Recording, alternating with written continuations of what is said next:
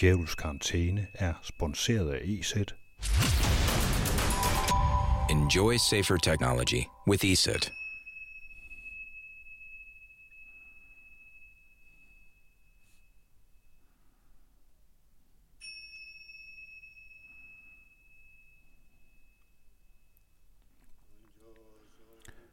Den her lille klokke, som jeg har brugt i programmet forskellige steder, hvor har jeg egentlig den fra, tænker du måske, hvis du alligevel går og keder dig? Jo, den har jeg fra Laurie Andersons plade Songs from the Bardo. Den er en form for musikalsk udgave af det, der hedder Den tibetanske dødebog. En guide, når vi skal bevæge os fra den ene krop til den anden, når man ifølge buddhismen øh, skal genfødes. Og her skal man helst undgå at fare vild. Du må ikke følge de forkerte lys, for så skal du hele turen om igen. Bardo er mellemtilstanden mellem død og levende men også et sted, man kan ende under krise eller sygdom, og som angiveligt kan bruges meditativt til at flytte sig selv et helt andet sted hen, og det kan vi vist alle sammen bruge til noget lige nu, ikke? Jeg aner ikke, om det virker, men musikken er rar. Den synes at stanse tiden og gøre alting til et stort pulserende nu, Lige nu kommer den ud af min computer her, det her klædeskab i den lille bitte værelse, som jeg har bygget om til kontor og studie. Og bortset fra en masse jakker og frakker og soveposer og tasker, der tager den værste støj udefra, så er der kun mig og min netforbindelse, der rækker ud til dig derude. Dig, som jeg savner så inderligt. I dag skal vi tale med Pernille Strandberg fra Tænke Handletanken DSA Essex. Det bliver lige om lidt. Men først nogle nyheder fra Nødradios digitale overdrev. More bad news. En stor artikel på Medium melder om kaotisk og særdeles smittefarlige forhold hos Amazon.com, verdens største online handelsportal. En medarbejder fortæller, at alle varer berøres af mindst 1000 hænder, dem der har lavet varen, sælgeren, lastbilchaufføren og dem der flytter pallerne. Bagefter så samler medarbejderne hos Amazon varerne op og sender dem videre til nogle andre grupper. Vi sveder, når vi arbejder, skriver han. Der er ikke nogen aircondition, og hvis en nyser, bliver alle smittestofferne indenfor. Amazon oplever for tiden eksplosivt stigende efterspørgsel om på coronakrisen, og alle medarbejdere har rigtig travlt. Derudover, ja, så har Amazon som indført algoritmisk overvågning af alle sine medarbejdere. Er man ikke hurtig nok, ja, så bliver man fyret af et program. Hvad skulle der dog kunne gå galt her? Flere supermarkeder har fået et ret anstrengt forhold til brug af kontanter i de her dage. Smitter de? Og skulle vi så ikke lige bruge digital betaling i stedet for, for en sikkerheds skyld? Her på Nødradio mener vi, at man skal vaske hænder, når man har rørt ved noget, andre har rørt ved, også kontanter, men også elevatorknapper, indkøbsvogne og dankortterminaler. Og så skal du huske at vaske din telefon, hver gang du har rørt ved den, for eksempel for at betale med MobilePay eller andet. Østrisk og Tysklands nationalbanker har i dag meldt klart ud, der er ikke nogen forøget risiko ved at betale med kontanter, så ved du det. Det går nok alt sammen, ikke? I denne uges weekendavis, der skriver Markus Bernsen en hyldest til lærerne i en tid, hvor vi alle sammen hænger på at skulle mødes og tale sammen og få undervisning via computer.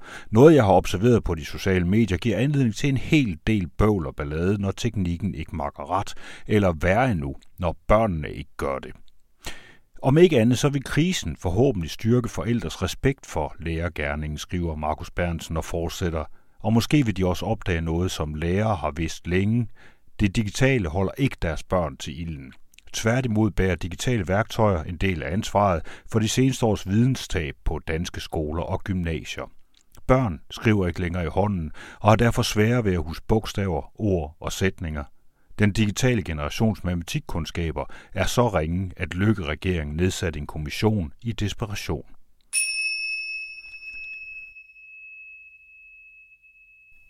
Og nu har jeg fået fat i Pernille Tranberg fra Tænke Handletanken Data Essex for at få lidt at vide om etisk bæredygtige videoplatforme og beskedtjenester, og så vil jeg høre hendes mening om SSI's, Statens Serum Instituts dataindsamling af mobildata. Her kommer hun. This is a test. For the next 60 seconds, the station will conduct of the emergency broadcast system. This is a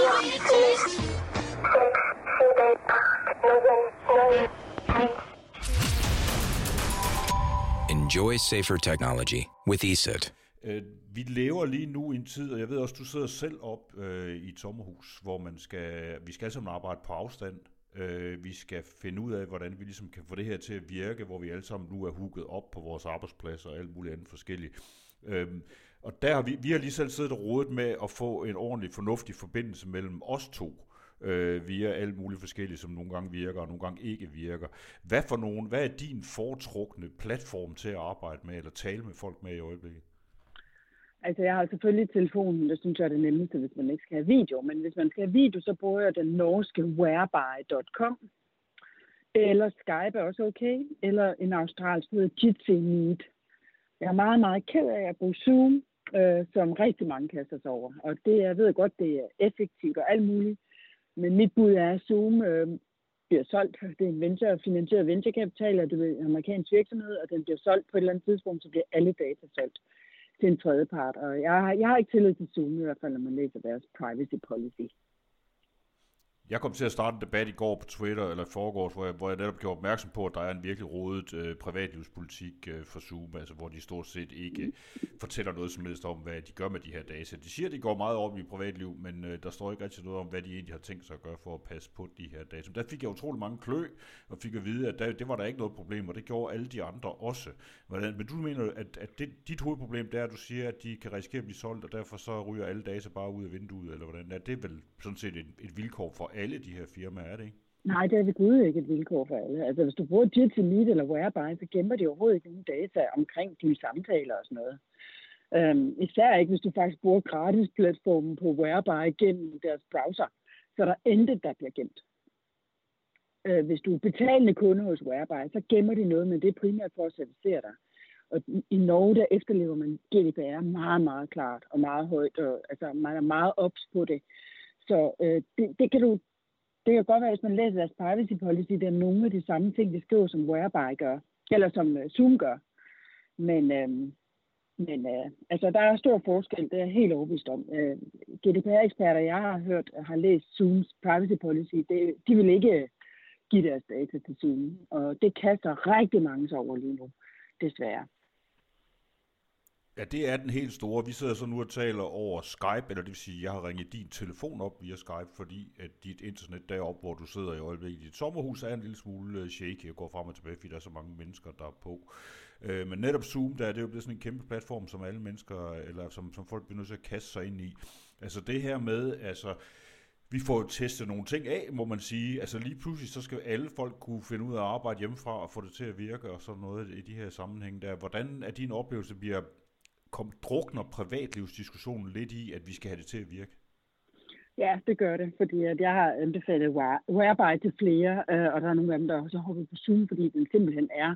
De har mange, mange flere penge, og det vil sige, at hvis du køber en eller anden obskur mikrofon, så passer det bedre til mig øh, til Web, øh, Zoom end til Whereby, fordi de selvfølgelig ikke kan servicere alt det er en mindre platform. Så det er klart, at øh, man kaster sig over det, der er hurtigst og nemmest, og tænker man ikke over privatlivets fred. Men jeg er ikke sikker på, at det er anderledes end øh, uden for coronakrisen. De fleste mennesker tænker jo ikke over, at de sidder og knaller øh, sundhedsdata til Facebook. Hvad enten det er coronakrise eller ej. Og det bringer os så videre til mit næste emne, som jeg ved, du har også udtalt dig om det her i, øh, i Ekstrabladet, øh, som netop handler om, at der er en masse grupper på Facebook i øjeblikket, som, øh, som beskæftiger sig med det her coronakrise, halløjsa. Og det mener du, der er en masse problemer i, at det, ligesom, at det foregår på Facebook. Kan du prøve at forklare, hvorfor?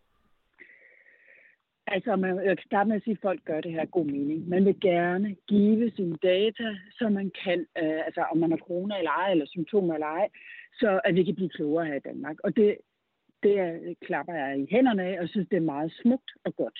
Problemet er, at de giver det til Facebook. Fordi øh, for eksempel kan myndighederne i Danmark ikke bruge de data, der kommer fra Facebook. De er simpelthen ikke valide nok. Så når man giver dem på Facebook på de her grupper om mørketal, så det eneste, man egentlig gør, det er, at man giver det til en kæmpe stor big tech virksomhed i USA, som er kendt for at misbruge dine data. Og det her, bare lige for, for de, der ikke kender de her grupper, kan du fortælle om, hvad foregår der der? Hvordan er det folk, de gerne vil dele data der? det er især, øh, at det, der hedder mørketal, altså for at finde ud af, hvem er det egentlig, der har nogle symptomer, måske sandsynligvis har corona, eller hvem har haft det, og, altså, fordi myndighederne ikke er fuldt ud klar over det her. Og der er også en helt paradoxal ting ved det, der øh, Statens Serum Institut har en hjemmeside, hvor man egentlig kunne taste øh, et ting ind, og hvor man kunne give sine data og fortælle, se her, hvordan jeg har det.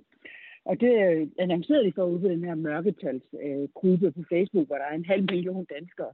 Og der væltede så mange ind på Statens Serum Instituts hjemmeside, 17.000 eller sådan noget, at den gik ned og lige nu er lukket. Så, så, så det er jo det, der problem problemet med Facebook, kan håndtere ufattelige mængder data. Og det er der mange af vores egne platforme, der ikke kan. Det, det er jo et problem i sig selv, men man skal bare vide, at når man fortæller øh, på øh, de her grupper på Facebook, at om man har symptomer på corona eller ej, så det eneste, man gør her, det er at give dem til Facebook, som de så senere måske kan kapitalisere på. Og det her med, hvad Facebook, hvad kan Facebook bruge de her data til? Altså, de, de, så ved de, okay, de ved, at jeg har været syg, eller jeg ikke har været syg. Kan det ikke være lige meget? Nej, for det er jo både Facebook og andre, der kan bruge det. Facebook kan bruge det som en lille bitte brik i det store profilpuslespil af dig. Ikke? Hvis du har haft corona, det kan jo godt være, at der er nogen, der på et tidspunkt gerne vil annoncere mod dem, der har haft corona, eller har haft lidt corona, eller troede, de har haft corona, så kan man sælge annoncer til dig. Øhm, det kan også være, at man kan koble nogle af dine symptomer sammen med andre adfærdsdata, de måtte have om dig, og begynde at regne ud, når du har måske også den sygdom oven i en anden slags sygdom. Så der er masser, masser af muligheder. Altså, sundhedsdata er noget af det, der er mest værd, altså penge værd i sidste ende. Men den enkelte lille data-ting øh, om dig her med corona, tror man i sig selv ikke er noget problem. Men det, der, hvor det kan blive et problem, det er, når Facebook begynder at berige det med alle de andre data og alt den anden viden, de har om dig. Så er der så en masse andre mennesker, der også kan, kan altså ligesom få data ud af det her. En, det, der hedder datakøbmænd i USA, databrokers, de kan jo øh, skrabe data på Facebook og sælge lister over folk, der har haft corona, eller haft tendenser til corona, eller altså alle mulige data. Og de sælger lister over alle mulige folk, der er syge. Altså det kan være folk, der er diabetikere, det kan være fædre, der har mistet et barn i en trafikulykke. Og... Så handlen med data er kæmpestor. Så du aner ikke, hvor de her data, den viden, ender henne, og hvad den bliver brugt til. Så du mister ligesom kontrol over dit eget liv, i mine øjne. Ikke?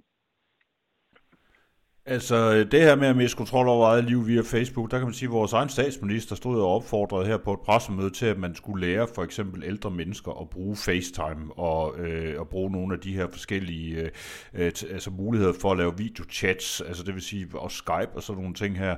Altså, øh, når hun siger det, jamen, altså, så, øh, så, så er det vel det folk, de går ud og bruger i de ja, her nu er FaceTime jo Apple, så det kan du godt have tillid til. Det bliver ikke misbrugt. Er mine oh, ja, undskyld, men jeg tænker også, Det ved godt, men jeg tænker også på Facebook videochat ja. også, som jeg mener også, hun nævnte. Det er jo fordi statsministeren desværre ikke besidder den viden om, at der er forskel på forskellige chat-services. Altså det ved sådan en som Margrethe Vestager jo. Hun er efterhånden meget, meget bevidst om, at du skal bruge den og den browser i stedet for den og den browser. Du skal bruge den og den chat-service i stedet for den og den chat-service. Den viden har ikke nået frem til øh, Mette Frederiksen endnu, eller Mette Frederiksens folk. Fordi at, øh, så skal man jo anbefale en service, der ikke hvor man i hvert fald er sikker på, at data ikke bliver misbrugt. Men det er jo fint nok, at de, det er jo fint nok til ældre læger at bruge det her. Det synes jeg også. Jeg sidder også på FaceTime, som er Apples, sammen med min mor, og, og, og møder hende den vej, fordi hun har isoleret sig selv. Og det fungerer godt, og den, stol, den stoler du på, når det er Apples? Ja, det gør jeg. Kan du komme med flere råd sådan for dem, der, altså de fleste af os, eller der er jo rigtig mange, der i hvert fald famler ret meget blinde nu, og som bare rækker ud efter og siger, det her det min arbejdsgiver siger, at den her er god, eller min nabo siger, at den her er god, og det er derfor, vi bruger det. Altså, du har nævnt før, du har nævnt det der Gigi org fra, hvad hedder det, øh, fra Australien. Det er så, ja. ja. Og så har du nævnt rent, Væreby. Ja. Whereby, det er rent open source, det er ikke? Og så Whereby, og så vil jeg også sige, at Skype er faktisk også god. Altså Microsoft øh, opfører sig rigtig pænt med data, øh, så vidt jeg ved. Altså der er jo ikke nogen 100% garantier her. Men øh, det, hvis jeg, hvis jeg skal anbefale det, vil jeg anbefale dem, og også øh, Apples øh, FaceTime er også rigtig fint. Så vil jeg så også generelt, så er der jo masser af andre øh, chat-apps. For eksempel vil jeg aldrig bruge Facebook Messenger, jeg vil heller ikke bruge WhatsApp. Jeg vil bruge øh, Wire, eller jeg vil bruge øh, Telegram, eller Signal. Der er tre apps her, som er rigtig gode, hvor man, skal, hvor man kan chatte sammen, også i grupper. frem for Facebook Messenger, som jeg kan se rigtig mange selvfølgelig bruger, eller WhatsApp, som er ejet af Facebook. Den vil jeg også advare imod. Øh, og der, hvor man kan se, hvor grunden til at gøre det, det er jo altså dem, de virksomheder, der lever af dine data, der lever af at bruge dine data til annoncer, politiske budskaber, eller hvad det nu er. Det er dem, man skal være opsøget for. Det er det samme med Google Hangouts. Det vil jeg heller ikke anbefale. Der er også masser, der bruger. Øh, men virksomheder, der lever og tjener penge på noget andet, og ikke tjener penge på at profilere dig og sælge adgang til dig, øh, dem kan du have større tillid til meget generelt. Noget det, altså man kan sige igen, altså det, det der sker i Aalbæk, der er der jo rigtig mange, der, altså netop også statsledere og alt muligt, som begynder at bruge de her ting. Altså et eksempel her, det er faktisk den italienske statsminister, øh, Giuseppe Conte. Han gik øh, ikke på national tv her for nylig, da han skulle annoncere noget nyt omkring covid-19. Han sendte live på Facebook Altså, øh, og det, det, der jo sker lige i øjeblikket, det er vel, at folk, de rammer, de går, altså at regeringsledere og offentlige myndigheder og alt muligt andet, de går simpelthen efter de steder, hvor det virker, det her. Kan man sige, at der er ved at ske det, at sådan nogle som de her store techfirmaer, som øh, vi har haft meget diskussion om, øh, før corona kom, og hvor det virkede som om, der faktisk var ved at være en lidt en stemning imod dem, øh, især fra EU's side, øh, at de i virkeligheden, de har, de har formået, altså de er endt med at blive infrastruktur nu. Ja, altså der er ingen tvivl om, at de store tech-platforme, de har et boost her, fordi alle øh, skal på forskellige platforme. Det jeg håber på, det er, at de mindre privatlivsfokuserede tech-platforme, såsom Wire og Whereby, at de også oplever et boost. Fordi i sig selv synes jeg jo også, at det er helt uetisk at bruge sådan en virksomhed som Facebook set fra en myndigheds side. Dels fordi, at Facebook ikke efterlever vores lovgivning. Dels fordi Facebook overhovedet ikke er etisk ansvarlig med data. Men også hver gang vi bruger de her store monopolplatforme, så hjælper vi dem til at blive endnu bedre. Ikke? Altså hver gang du handler hos Amazon, så hjælper vi dem alle sammen til at blive bedre. Vi er også nødt til at bruge de alternative og gerne europæiske platforme, for ellers bliver de ikke bedre. Og så må vi også lige skubbe lidt på for det, og det mener jeg faktisk, at myndighederne har et kæmpe ansvar for at gøre. Øh, og det synes jeg også, at tonerne begynder at komme på Bruxelles. Det er sværere i en krisetid, det er jeg godt klar over. Men Randers Regnskov har kæmpe succes med at knalde indhold ud på Facebook. Ikke? Altså, hvorfor ikke prøve at sige, okay, så bruger vi Facebook som en markedsføringsmaskine, men vi, vi prøver at hoste vores øh, videoer selv, så vi faktisk også der ejer det. I stedet for at blive ved med at forære data, det vil sige penge, til de store platforme. Det er ligesom at stå og putte penge ned i en enarmet. Altså jeg er jo næsten, på nogle punkter er jeg jo næsten mere radikal end dig, hvad det angår, fordi jeg mener jo, hvorfor har vi ikke en, en fuldstændig, øh, hvad hedder det, øh, øh skudsikker statslig løsning til sådan noget her kommunikation, hvor man kunne lægge ting over på, altså når man, når man siger, at man skal ud med et eller andet. Altså jeg mener, at hvor grænser for, hvor svært det kunne være at få sådan nogle ting bygget op, mangler vi simpelthen en, hvad skal man sige, en, en seriøs infrastruktur til at få det her til at virke? Ja, det gør vi selvfølgelig. Øh, man kan sige, at EU-landene, de forskellige lande i EU, har ikke sat sig specielt meget på sådan forbrugerartede platforme som Facebook og Google, fordi at øh, der er, det sidder amerikanerne rigtig godt og så lidt på. Ikke? Øh, men der er jo meget kraftige toner lige nu i luften omkring at satse på nogle mere industrielle platforme, hvor man simpelthen får noget mere samarbejde og fællesskab omkring for eksempel bildata eller andre former for industrielle data. Øh, jeg tror, de har opgivet håbet om en kæmpe stor fælles platform for forbrugere. Men det er klart, at hvis vi kunne få bygget en infrastruktur i Europa, hvor man også kunne kommunikere til europæer den vej, så vil det jo være oplagt at gøre, og det bliver vi nok også nødt til at gøre på et tidspunkt. Vi skal jo ikke, vi skal jo ikke satse på, at Facebook er vores infrastruktur. Det er jo helt håbløst. Det er det samme som, at vores børn i skolerne bruger Google som søgemaskine. Det vil sige, de bruger en søgemaskine, som er optimeret efter at tjene penge ikke optimeret efter at gøre vores børn klogest. Og så, så der, derfor er vi simpelthen nødt til at komme væk fra de her store tech-platforme som en, som en offentlig infrastruktur. Men det er jo der, hvor vi står de facto nu. Ja, desværre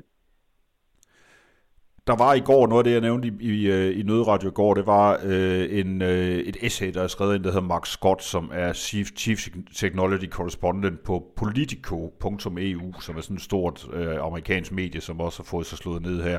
Han siger jo, at det der er, øh, at at, at hvis man nu tager en, af konsekvenserne af at sige, hvis man nu vælger at, at sige, at de her kæmpe store tech-giganter, det er simpelthen bare blevet infrastruktur, jamen så kan man jo også lovregulere dem på samme måde, som man siger, at det her, det er jo ligesom el og vand. og sådan nogle ting. Vi skal bruge dem, og vi skal have et eller andet, og så kan vi begynde at stille krav til dem. Kunne det være en model for at komme frem i det her? Det synes jeg er håbløst. altså helt håbløst. Det er det samme som at sige, okay, Facebook skal, det er sgu dem, der skal passe på vores vejnet. Det er dem, der, øh, vi regulerer dem, øh, hvis de tager for mange penge for at køre ned ad den og den vej, eller ikke vil lave en afkørsel der, så må vi prøve at tvinge dem til det. Men de virksomheder er så store og så magtfulde, at de jo ikke engang, meget ofte ikke engang lytter til de bøder, de får, når, når regulatorerne kommer og giver dem en bøde. Så, så er Google jo for eksempel sagsøgt øh, en eller anden, øh, et eller andet i Europa, altså et eller andet i EU, hvad hedder det. Der var, de fik en kæmpe bøde, og det vil de ikke finde sig i, og så går de til retten med det. Sådan kan vi jo ikke have en, en, en offentlig infrastruktur. Så nej, jeg tror ikke på, at øh, vi kan regulere os ud af det. Jeg tror på, at vi er nødt til at lave nogle alternativer, og der er vi nødt til at huske, at de her virksomheder er måske 20 år gamle. de kan sagtens i den her nye digitale datamæssige tidsalder også begynde at opbygge noget selv. Det har vi sørme råd til Europa, og det skal vi nok finde ud af, det tror jeg. Altså Danmark på et lille plan, kan man sige, vi har fået bygget på Aula op, i stedet for at de sidder og kommunikerer på Facebook eller et eller andet så kommunikerer det på Aula, som er styret af en offentlig instans, der har de samme værdier som de fleste af os andre, og mener, at for eksempel skal vi ikke have likes på platformen, fordi det synes, vi ikke passer ind i en dansk øh, pædagogisk tradition. Så jeg tror, vi kan gøre det selv. Så skal vi måske også lige starte med at få Aula ud af Amazon, fordi det er faktisk der, de bliver hostet i øjeblikket. Alle de data, der ligger ja. om børnene, det, det ligger på en, øh, en sky hos uh, Amazon, det ligger hos Amazons Cloud, fordi det var det billigste, som det hed dengang. Ja, der er desværre også nogle andre issues i det, og det er simpelthen også noget med udbudsregler og alt sådan noget. Det, det, der er nogle ret svære, kritiske ting i det, men jeg ved, at Aula er meget opmærksom på det her. Der er jo også nogle tjenester hos Amazon, som er helt fantastiske for mange af dem, der køber Amazon, øh, som de ikke kan få andre steder desværre, ikke? fordi de er så store. Men jeg, jeg, min holdning er, at som offentlig instans, så har vi pligten til at vælge noget andet vi skal have nogle europæiske skyer herhjemme, som vi kan have tillid til. Apropos data, så er der også en frygtelig masse snak i øjeblikket om, at øh, vi skal ligesom øh, Statens Serum Institut vil meget gerne have adgang til nogle mobiltelefoner, så de kan komme ind og, og, og se, hvor folk befinder sig henne og sådan noget, så de kan lave en eller anden form for map. De er ikke særlig klare med endnu stadigvæk præcis, hvad det er, de gerne vil have. De har lige meldt ud i dag, eller i går var det går aftes, meldte de ud og siger, at de vil ikke overvåge folk, og det er jo venligt nok. Altså, de vil bare have nogle data ind af en eller anden slags, og det er også noget, man får ind over, over det hele, hele Europa. Hvordan har du det med det her med, at man begynder ligesom at bruge, altså passivt at bruge folks øh, telefoner, uden at de har mulighed for at sige ja eller nej? Nu kan jeg fortælle dig, hvad jeg ved. Nu ved jeg tilfældigvis, hvad det er, de har bedt om, fordi jeg har set det papir. Og det, de beder om, det er anonymiserede data, så de kan se mønstre. Og det, de arbejder på, som er rigtig interessant, det er, at øh, teleselskaberne skal udlevere de her anonymiserede data til Danmarks Statistik, som så kan arbejde på dem og give politikere, sundhedsmyndigheder og alle mulige andre de vigtige mønstre, de har brug for at vide noget om for at bekæmpe corona. Det handler ikke om, at de skal vide, når nu er du gået 10 meter væk fra dit sommerhus, nu går vi hen og skælder dig ud, for du er i karantæne. Det er slet ikke derhen, de har bedt om data. Gudskelov, det var jeg også bekymret for. Men det er ikke det, de har bedt om øh, i det notat, som er inde i Folketinget et eller andet sted. Så derfor har jeg det fint med det. Jeg synes, det er den måde, Danmarks Statistik arbejder med data på. De går jo også ind og analyserer øh, Øh, alle mulige data, også dem, der også øh, følsomme data, hvem får samfundshjælp og alt sådan noget. Og så kan de sige, at danskerne gør sådan og sådan, og de 32-årige, øh, der har den og den sygdom, har den og den risiko, og det er jo sådan, vi arbejder med data, og sådan vi skal arbejde med data.